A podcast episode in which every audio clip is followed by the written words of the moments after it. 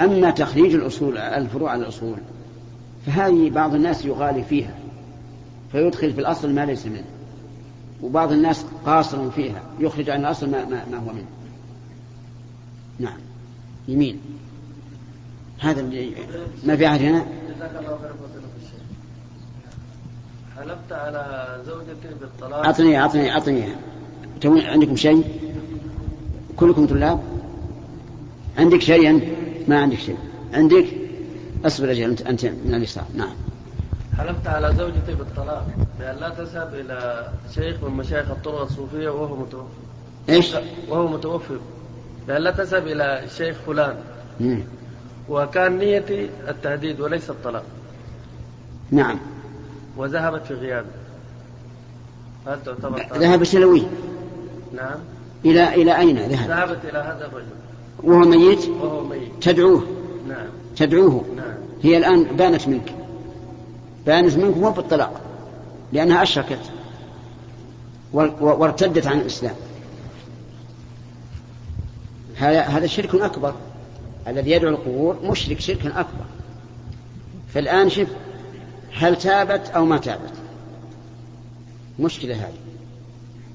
إن انقضت العدة قبل أن تتوب فلا بد أن تجدد العقد وإن تابت قبل انقضاء العدة فذلك المطلوب. وإن كانت جاهلة لا تدري أن هذا شرك فهي معذورة.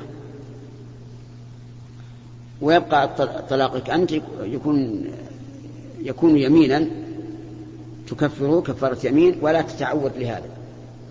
لا تعود. النساء ما هي رخيصة. هنا نعم. أسأل إيه. رجل يعمل مساح.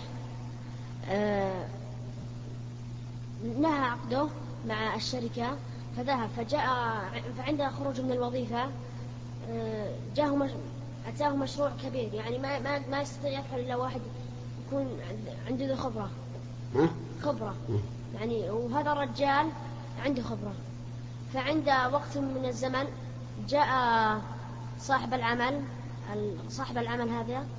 فقال افعلوه أو أتيته بمقاول يفعله. فقال اللي قبلي يستطيع أن يفعله. فإن تريد أن يفعله لك فعلت لك. فجاء ويفعله فاتفقوا بمبلغ بمبلغ. فقال صاحب الوظيفة الجديد المتوظف الجديد قال القديم نص المال لي ونصه لك. عشان هو يوقع على المشروع أنه قد أتى قد مشى. فهل هذه الفلوس الذي يأخذها المال المال المتوظف الجديد حرام عليه أو لا؟ هذا بارك الله فيك سؤال مهم. لكن خلى الوالد يكلمني عشان تتصور المسألة كما ينبغي نعم. يمين. نعم. بسم الله الرحمن الرحيم. فضيلة الشيخ ما التحقيق في مذهب الرافضة وحكم معاملتهم إذا كانوا يعملون معنا في المدارس؟ هو بارك الله فيك. أرى أن تعاملوهم كما يعاملون. هذه والقدرة بالقدرة. لقول الله تعالى وإن وإذا حييتم بتحية فحيوا بأحسن منها أو ردوها. بعده. على ما أنتم تحت مظلة الحكومة. صل معه صل معه. وإذا سجد على شيء انصح. أقول انصحه انصحه إذا نعم لا بد إذا سلم ترد عليه السلام. هذه تبع المصلحة تبع المصلحة. إيش؟ المهم إذا إذا إذا تبادلتم أنتم إياه العزائم فلا بأس. لكن كما قلت لك لابد من مراعاة المصلحة. رجل لا يقدر الحج. ها؟ رجل لا يقدر إنه يروح يحج. فأعطى أموال الواحد إنه يحج عنه. فراح هذاك وقت الحج وحج عنه. توفي. من يتوفي؟ الرجال اللي ما يقدر يحج أعطى له واحد قروش يحج عنه. زين. راح هذاك اللي معه قروش يحج عنه. توفي هناك توفي قبل الحج ولا بعده؟ بعد يوم هو يحج توفي بالحريق توفي في أثناء الحج. طيب. فمن يعتبر الشهيد نعم. اللي عطى القروش ها؟ فمن يعتبر الشهيد. اللي عطى القروش الشهيد؟ ما في شهادة التوفي. ها؟ توفي الحريق إيه. لا لا. اللي احترق هو الشهيد. هنا. بعده. إيش؟ إيه انتهى. نعم. ابدا ما يقضى. عنه. ما يقضى. بسم الله الرحمن الرحيم. اليمين نعم. آه، نرى عند إدخال إدخال المرأة في قبرها. إيش؟ عند إدخال المرأة في قبرها. نعم. نرى بعض الناس يضع العباءة آه، على القبر. على القبر. نعم. وإدخالها. نعم. وقد لا يدخلها إلا محرمها. نعم. أما وضع العباءة على القبر حين حين تنزيل المرأة فهذا حسن. وقد ذكره العلماء وقالوا إن قبر المرأة يسجى عند وضعها فيه يعني يغطى. وأما كونه لا يدخلها إلا المحرم فليس بشرط. يجوز أن يدخلها محرمها أو غيره. ولهذا لما خرج النبي صلى الله عليه وعلى آله وسلم في جنازة إحدى بناته قال أيكم لم- لم يقارف الليلة؟ فقال أبو طلحة أنا. فقال انزل فنزل في قبرها وزوجها عثمان موجود وأبوها محمد صلى الله عليه وعلى آله وسلم موجود. نعم. صلى الله عليك يا شيخ. سمعت بعض أهل العلم يقول أن حلق الشارب يكون في بعض المناسبات. فما هي تلك المناسبات؟ يكون إيش؟ في بعض المناسبات. حلق الشارب. وأسمعك أن الإمام مالك رحمه الله قال ينبغي أن يؤدب من يحلق شاربه.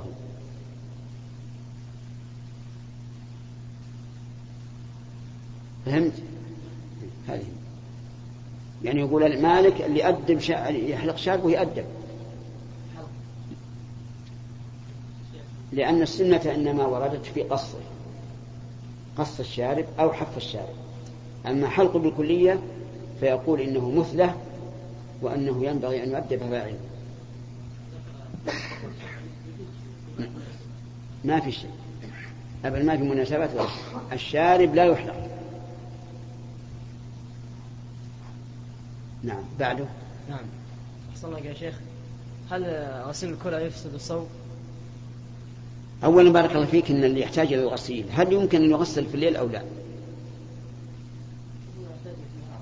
لا أسألك هل يمكن بأن يقول الأطباء آه، سيكون غسل سيكون الغسل بالليل؟ إذا كان يمكن فلا يجوز في رمضان أن يغسلها في النهار.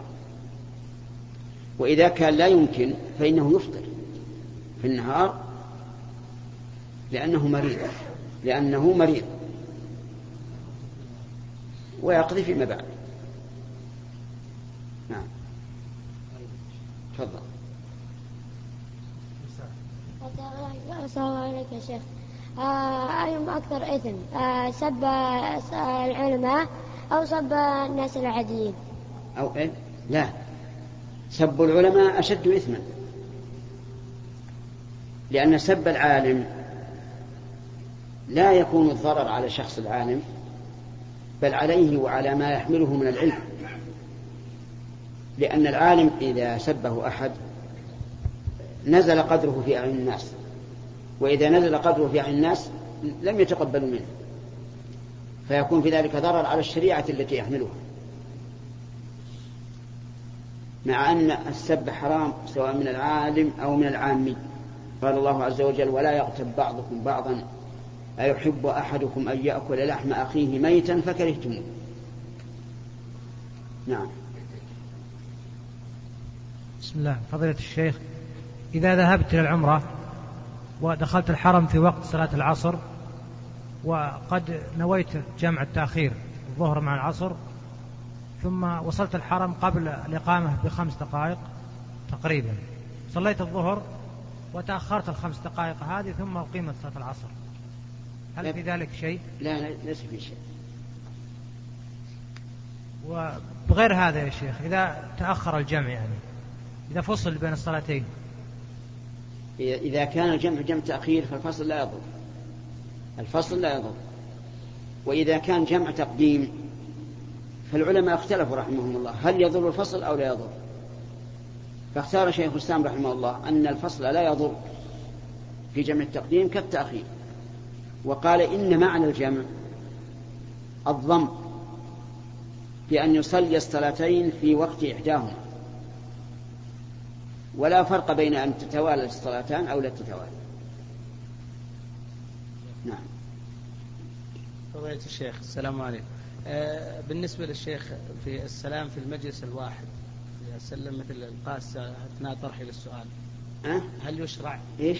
السلام إذا كان الآن طرحي للسؤال أبدأ بالسلام؟ نعم. هل يشرع ذلك شيخ؟ لا. وحديث المسيء صلاته شيخ. نعم.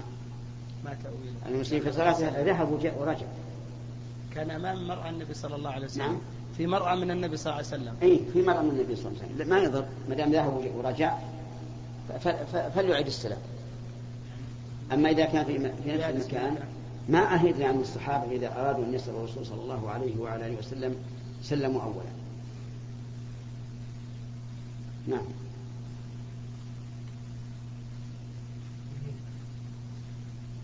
من اليمين.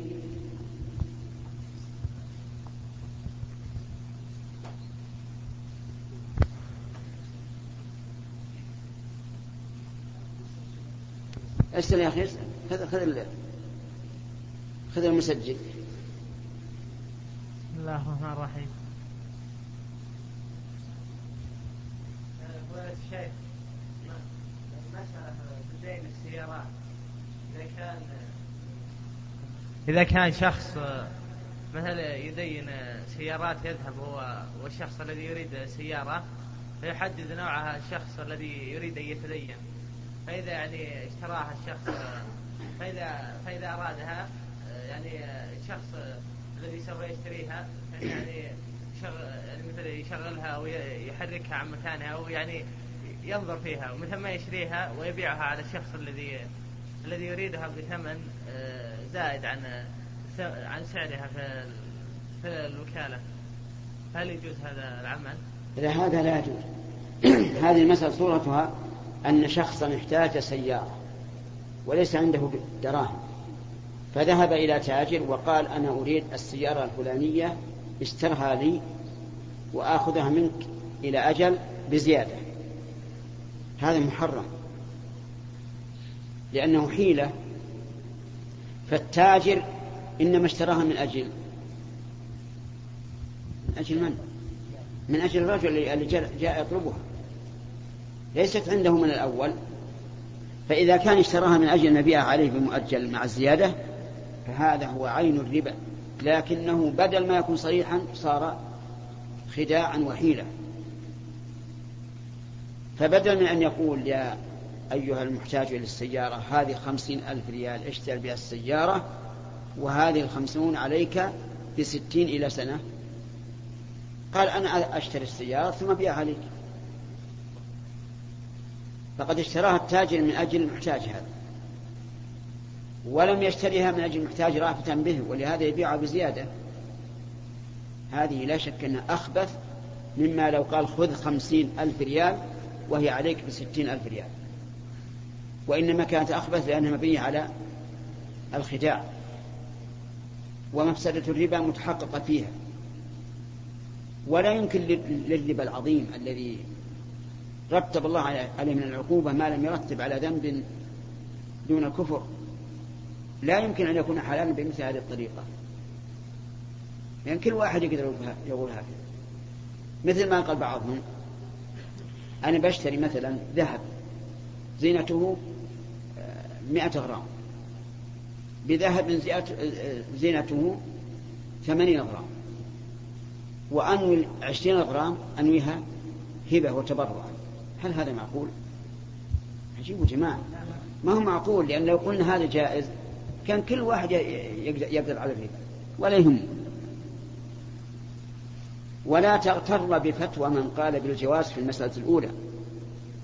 فإنه لو تأمل المسألة حق التأمل لوجد أنها حيلة واضحة جدا على الربا وأنه لا يمكن لهذه الشريعة العظيمة العزيزة الجانب أن تتنزل حتى تحل هذا هذه المعاملة مع تحريم الربا. نعم. فضيلة الشيخ إذا كان يحتج صاحب السيارة بأنه يعني لا يجبر المشتري. كلمة لا يجبر يا أخي هذه كل كلمة لغو ما له فائدة. هل هذا الذي جاء يطلب السيارة هل يمكن يهون؟ هو اللي مختار السيارة. ما يمكن يهون. وقلت لو, لو هو ما أجبر هذا كل كلمة ما, ما, ما, يمكن أن ينخدع بها المؤمن أبدا.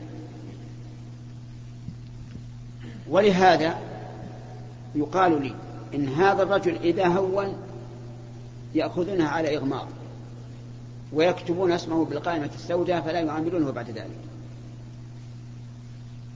مع أنه ما يهون وفيه شروط تكتب عليه ما يمكن من التهوين والمهم أنه يجب علينا قبل أن نعمل الأعمال أن ننظر من سنعامل. ألسنا نعامل رب العالمين؟ يجب أن نعلم أنه سبحانه وتعالى عليم بالسرائر. وأن نبيه محمد صلى الله عليه وعلى آله وسلم قال إنما الأعمال بالنيات. وانظر إلى اليهود لما حرمت عليهم الشحوم ماذا صنعوا؟ أذابوا الشحم وجعلوه ودكا ثم باعوه وأكلوا ثمنه ما أكلوا الشحم ولا أكلوا الودك. ومع ذلك قال النبي صلى الله عليه وعلى آله وسلم قاتل الله اليهود. وصدق رسول الله. حيث قال لتتبعن سنن من كان قبلكم. نحن بهذه المعاملات وأشباهها ارتكبنا ما ارتكبت اليهود. وقد قال النبي صلى الله عليه وعلى آله وسلم لا ترتكبوا ما ارتكبت اليهود فتستحلوا محارم الله بأذن الحيل. نعم. لساق. الشيخ بارك الله فيك. درج على وصف فئة معينة من المسلمين بالسلف. إيش؟ درج على وصف فئة معينة من المسلمين بالسلفيين. فئة معين؟ فئة معينة. ها؟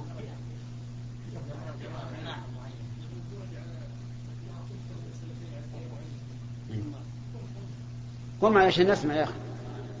وعرب لسانك لا لا تلويه له ها قل. أنه درج على وصف فئة معينة من المسلمين بالسلفيين. على وصف؟ فئة معينة إيه؟ من المسلمين بالسلفيين. أي نعم. وأن هذا الاسم لا يمتد إلى غيرهم من المسلمين. نعم. السؤال هنا وأن إذا كان الإسلام والسلفية شيء واحد وأنه لا فرق بين مسمى سلفي ومسلم. وعليه كما أن في الإسلام هناك مسلم ملتزم ومسلم عاصي. ومسلم مبتدع. فهل ممكن أن نقول أن هناك سلفي ملتزم وعاصي ومبتدع؟ حتى أننا ممكن أن نصف مغنيا فاسقا بأنه مسلم. ولكن هل نستطيع أن نسمي هذا المغني الفاسق بأنه سلفي؟ وشو نطول السؤال؟ أولا يجب أن نعلم السلفي ليس محبوسا على فئة معينة. كل من تمسك بمذهب السلف فهو سلف. هذا هذا السلف. سواء تقدم زمنه أم تأخر. وأما أن نجعله في فئة معينة نقول هؤلاء سلفيون وهؤلاء عقلانيون فهذا غلط. ولكن ليعلم أن من العلماء من يغلب جانب العقل ومنهم من يغلب جانب الشر. ولهذا تجد في كتب الخلاف الفقهية تجدهم إذا أرادوا أن يتكلموا عن أصحاب أبي حنيفة رحمه الله يصفونهم بأنهم أصحاب الرأي. أصحاب الرأي. لأن عندهم أصحاب أصحاب الدليل وأصحاب الرأي. فخذ هذا القاعدة. السلفي من تمسك بمذهب السلف ولا يختص بطائفة معينة ولا يجوز أن نصنف الناس ونقول هؤلاء سلفيون وهؤلاء آه، عقلانيون أو ما أشبه ذلك. نعم. أقول السلفي من انتسب من أخذ بمذهب السلف عقيدة وقولا وعملا في أي مكان. ولا يصح أن نقسم المسلمين نقول هذا عقلاني وهذا سلفي وما أشبه ذلك. بل يجب على الجميع أن يكونوا سلفيين. لا على أنها مسألة حزبية لا. على أنها هي, هي, هي الحق. قال الله عز وجل والسابقون الأولون من المهاجرين والأنصار والذين اتبعوهم بإحسان. رضي الله عنهم ورضوا عنه. ما في تعليق ما في تعليق. خلاص. فهمت يا سائل؟ نعم. يا شيخ وش حكم الطربوش اللي له زائد؟ الطربوش؟ إيه؟ اللي فيها الرف هذا. نعم. اللي فيها الرف؟ إيه؟ والله أنا أكرهه. أكرهه لسببين. السبب الأول أنه عادة حادثة. وأنا أحب من المسلم أن لا يتغير عن عادته إلا إلى عادة أحسن. عادة أحسن ولم تخالف الشرع. والثاني أن هذا هذا الرفض يؤثر على العين بحيث تضعف عن مقاومة شعاع الشمس. خلي المسألة على طبيعته ولا يضر. ولقد أمسكت شابا عليه هذا الرفض في الليل بعد العشاء. قلت وش تبي هذا البقية؟ ولا ما تلبس طواقي مثل الناس. قال عن الشمس. نعم عقب الأخير. إن الآن بعد بعد العشاء. كيف الشمس شوف شلون التقليد الأعمى. فأنا أكرهها لهذين السببين. وأقول ينبغي لنا أن نكون أعزة في أنفسنا. أقوياء الشخصية. وأن لا نتحول عن عاداتنا إلا إلى ما هو أحسن منها بشرط أن لا يكون مخالفا للشر أما كوننا نتلقى كل شيء يجي. فهذا غلط. نعم. حتى هذه أنا ما أراها. النظارة الشمسية ما أراها إلا إنسان تحتاج عينه إليها. أما بدون حاجة غلط. لأنه ما يتحمل فيما بعد أن ينظر إلى الشمس بدون, بدون النظارة. حاول أن لا تلبس النظارة. لا الشمسية ولا غيره. إلا إذا احتاجت العين لهذا بحيث أنك إذا تركت النظارة الشمسية دمعت العين وسخنت فهذا لا بأس. حاجة.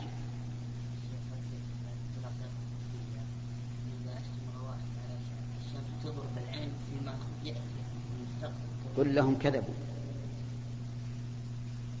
في شيوخ كبار جدا ينظرون إلى الهلال ولا ينظره الشاب اللي عندهم نظارات الشمس. ما صنع. لكن العين ترى مثل الجسد اللي غير. إذا شفت تعبانة من مطالعة أو تحديق في شيء وتوقف. كما أنك إذا قصرت توقف عن المشي. يعني هي عضو من الأعضاء. فيها علامات السبيل نعم؟ إيش؟ إيه. إلى هنا انتهى هذا اللقاء لأن الحد بيننا وبين الدرس هو أذان الظهر. ها؟ إيش؟ إيه راح انتهى. دخل أيها الأحبة يسرنا أن نكمل ما بقي من هذا الشريط بهذه المادة. وإنني أنبه على أمر هام من عليه قضاء من رمضان الماضي. أن يبادر به قبل أن يأتي رمضان المقبل لأن أهل العلم يقولون لا يجوز للإنسان أن يؤخر قضاء رمضان إلى رمضان آخر إلا من عذر. استدلالا بقول أم المؤمنين عائشة رضي الله عنها كانت كان يكون علي الصوم من رمضان فما أستطيع أن أقضيه إلا في شعبان. وهذا يدل على أن آخر القضاء شهر شعبان. قال العلماء ومن أخر قضاء رمضان إلى رمضان آخر بدون عذر فإنه آثم. وذهب بعضهم إلى أنه يقضي ويطعم مع كل يوم مسكينا ولكن القول الراجح أنه لا ليس عليه إلا القضاء فقط لقول الله تعالى ومن كان مريضا أو على سفر فعدة من أيام أخر ولم يذكر الله تعالى سوى ذلك. والمهم أن, أن يبادر من عليه قضاء قبل أن يأتي رمضان. وليستعن بالله ولا يكسل ولا يعجز. فالأيام ولله الحمد في هذا في هذا الوقت أيام مناسبة لا حر ولا برد ولا طول. أسأل الله تعالى أن يعينني وإياكم على ذكره وشكره وحسن عبادته. واعلموا أن خير الحديث كتاب الله وخير الهدي هدي محمد صلى الله عليه وسلم وشر الأمور محدثاتها وكل محدثة يعني في دين الله بدعة وكل بدعة ضلالة. فعليكم بالجماعة وأعني بالجماعة الاجتماع الاجتماع على دين الله دون تفرق فيه فهذا ما وصاكم الله به في قوله في قوله تبارك وتعالى شرع لكم من الدين ما وصى به نوحا والذي أوحينا اليك وما وصينا به إبراهيم وموسى وعيسى أن أقيموا الدين ولا تتفرقوا فيه. ومن ذلك الاجتماع في المساجد على الصلوات الخمس فإن ذلك من أوجب الاجتماع وأفضله. ومن حافظ على ومن حافظ على الصلوات وأدامها فليبشر بأنه من أهل الجنة. قال الله عز وجل قد أفلح المؤمنون الذين هم في صلاتهم خاشعون والذين هم عن اللغو معرضون والذين هم للزكاة فاعلون والذين هم لفروجهم حافظون. إلا على أزواجهم أو ما ملكت أيمانهم فإنهم غير ملومين. فمن ابتغى وراء ذلك فأولئك هم العادون. والذين هم لأماناتهم وعهدهم راعون. والذين هم على صلواتهم يحافظون. أولئك هم الوارثون. الذين يرثون الفردوس هم فيها خالدون. اللهم اجعلنا من هؤلاء. اللهم اجعلنا من هؤلاء. اللهم اجعلنا من هؤلاء. اللهم صل وسلم على عبدك ورسولك محمد وعلى آله وأصحابه أجمعين.